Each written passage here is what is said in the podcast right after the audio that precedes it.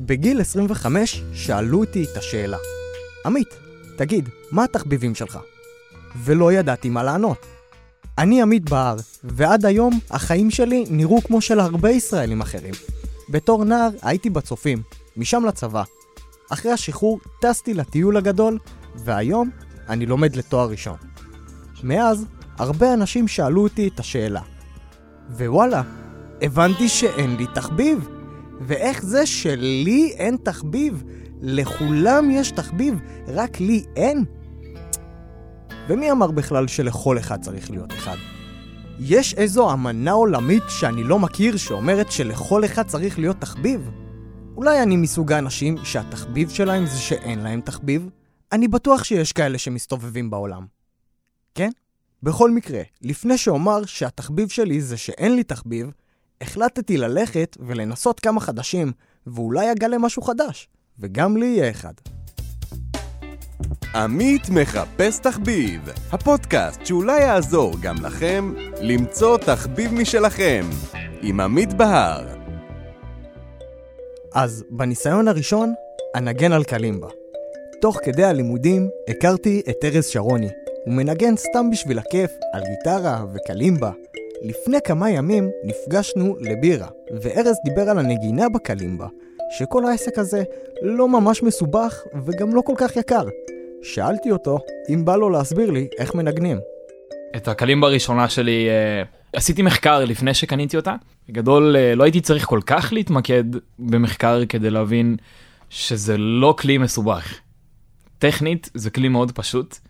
וכשקיבלתי את הקלימבה הראשונה הגיע ממש עם ספר אה, סוג של ספר הוראות של אה, איך מכוונים את הקלימבה מקבלים מין פטיש כזה ואפשר ממש לדפוק אותו כזה ככה בקצוות ולעשות כל מיני כיוונים שונים אה, עם צלילים שונים.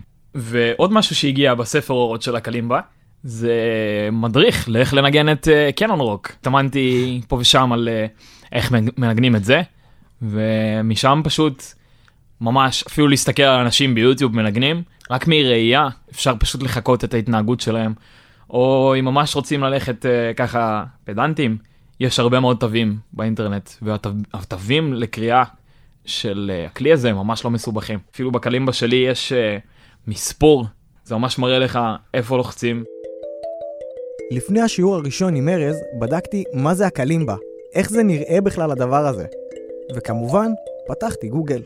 אז הקלימבה היא בעצם כלי נגינה אפריקאי, ברוב התמונות שראיתי, הקלימבות עשויות מעץ, מלבן או עגול, שאליהם מחוברות רצועות מתכת שנקראות קלידים.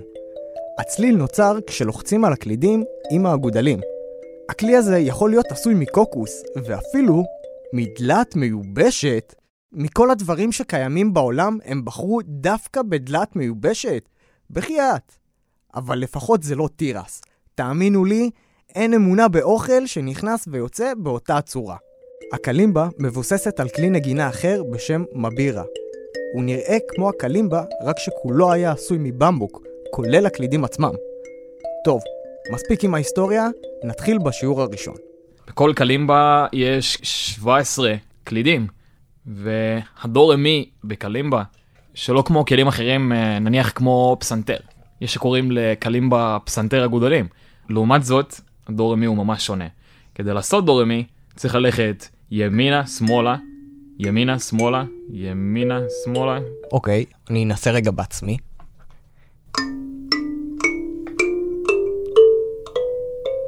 טוב. לא עשיתי את כל התווים, אבל... דורמי. אה, הייתי ממליץ באופן כללי, אה, במקום כל ה... כל הקולות רקע, אה, ממש להתחיל בבסיס, שזה כזה...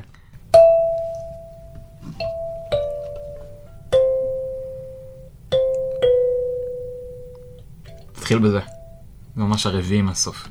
אוקיי, אז אני לוקח את צד שמאל של הקלימבה. אז ממש חמישי מצד ימין. חמישי מצד ימין. אוקיי. טוב. אה, עכשיו אני גם שומע מה אמרת שהקלימבה הזאת קצת פחות טובה. זה... כן, כן, אבל... היא ממש מובהקת, אה, למרות שלא רואים ברדיו, אבל... אה, עכשיו הם ידעו. כן. טוב, אם התחלת מזה, אז למה לא להוסיף גם קצת אה, ככה כמה קולות רקע? אז התחלנו ככה. וכדי שהכלי הזה, שהוא מאוד מאוד פשוט, יהיה קצת יותר מעניין, אפשר להוסיף סוג של בס. אתה צריך להחליק ממש מהחמישי לרביעי, תוך כדי שאתה עושה את זה. נותן צליל יותר עמוק. אתה יכול ללחוץ ככה, אבל uh, את החלק הזה ספציפית מחליקים ממש עם הציפורן. זה בעיה כשאין ציפורניים. לא היה יום טוב לקצר אותם. כשהייתי ממש חורש את הכלי הזה הייתי פשוט קוצץ את כל הציפורניים ולא נוגע בציפורניים אה, באגודלים כדי שיהיה לי איך לנגן את הכלי הזה כמו שצריך באמת. זה לא פשוט בלי. אם אתם רוצים להתחיל לנגן, תגדלו קצת ציפורניים. חד משמעית. אז אני אה, בעצם פורט על שלושה קלידים, אבל ביחד.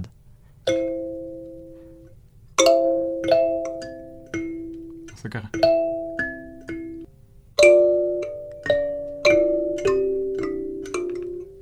כן, לא, באגודל השנייה. זה לפעמים יכול להיות מאוד מאוד מתסכל, כי אין אף כלי כזה שמצריך ממך ממש חלוקת קשב של שני צדדים, כשהדור רמי פשוט, אתה מבין, אתה יכול ממש כאילו ברגע אחד להתרכז בצד שמאל של הכלי, ואז בצד ימין. יש סדר מסודר, אבל הוא פשוט מאוד מאוד מוזר שקשה להתרכז אליו. הייתי אומר שכדי להתרגל לנגן את זה לקח לי לפחות, אה, אני לא יודע כמה, אבל הרבה מאוד זמן.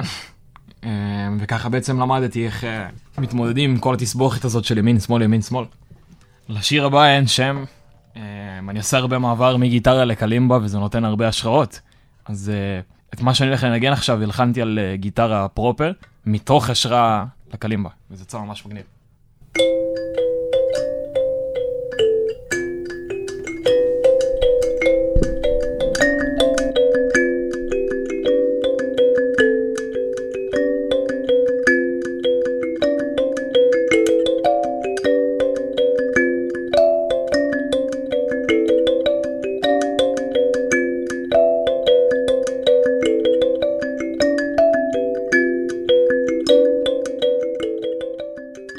מסקנות מהשיעור הראשון.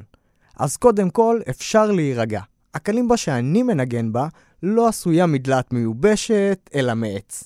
הכריות האלה, שיש לנו בקצות האגודלים, כואבות לי בטירוף. הקלידים האלה חפרו לי בתוך האגודלים. אני מאמין שעם הזמן האצבעות יתקשו ופחות יכאבו. בפעם הקודמת שכאב לי ככה, היה שהתרגלתי לפתוח את הנצרה של הנשק בצבא. והכי חשוב, אני חייב לגדל את ציפורני האגודלים שלי, ואולי ללמוד עוד קצת על הכלי הזה לפני שאני ממשיך להתאמן בעצמי. מהר מאוד, הקלימבה הפכה לפופולרית בכל אפריקה.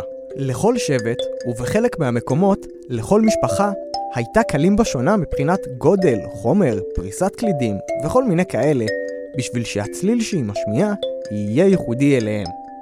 אז אחרי שבועיים שגידלתי את ציפורני האגודלים שלי, אני יכול להתחיל באימונים רציניים. אז ארז נתן לי כמה טיפים כדי uh, ללמוד ולשנן בעצמי, uh, כמו לכתוב במחברת משבצות את הסדר של הקלידים, שזה מתחיל משמאל uh, לימין, ובכל שורה לכתוב את הקלידים שצריכים להופיע. נגיד שורה ראשונה יהיה 1, אחר כך 2, ואז יהיה 3 עם 1, 3, 5.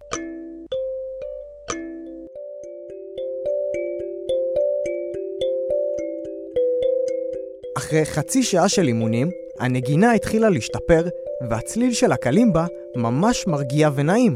ממש כמו תיבת נגינה, רק שאני בעצמי עושה את הצלילים.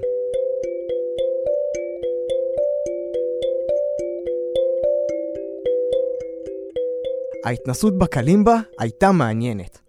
לא אהבתי לגדל את ציפורני האגודלים. זה הרגיש לי מוזר בקצוות של האצבעות.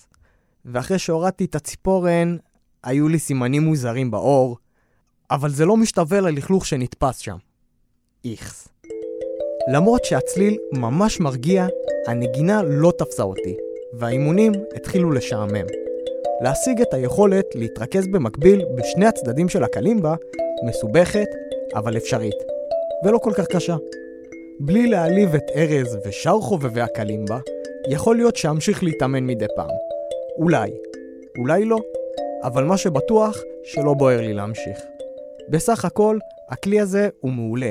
קליל ללמידה ולא יקר, אבל כנראה לא בשבילי.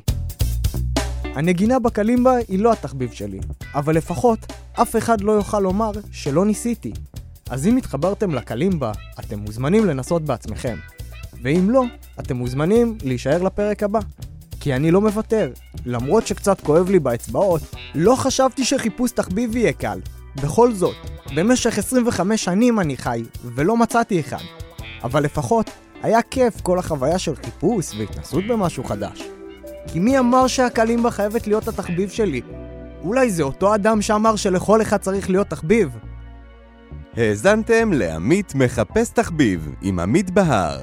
תודה רבה לארז שרוני ועידו אריאל. נשתמע בתחביב הבא.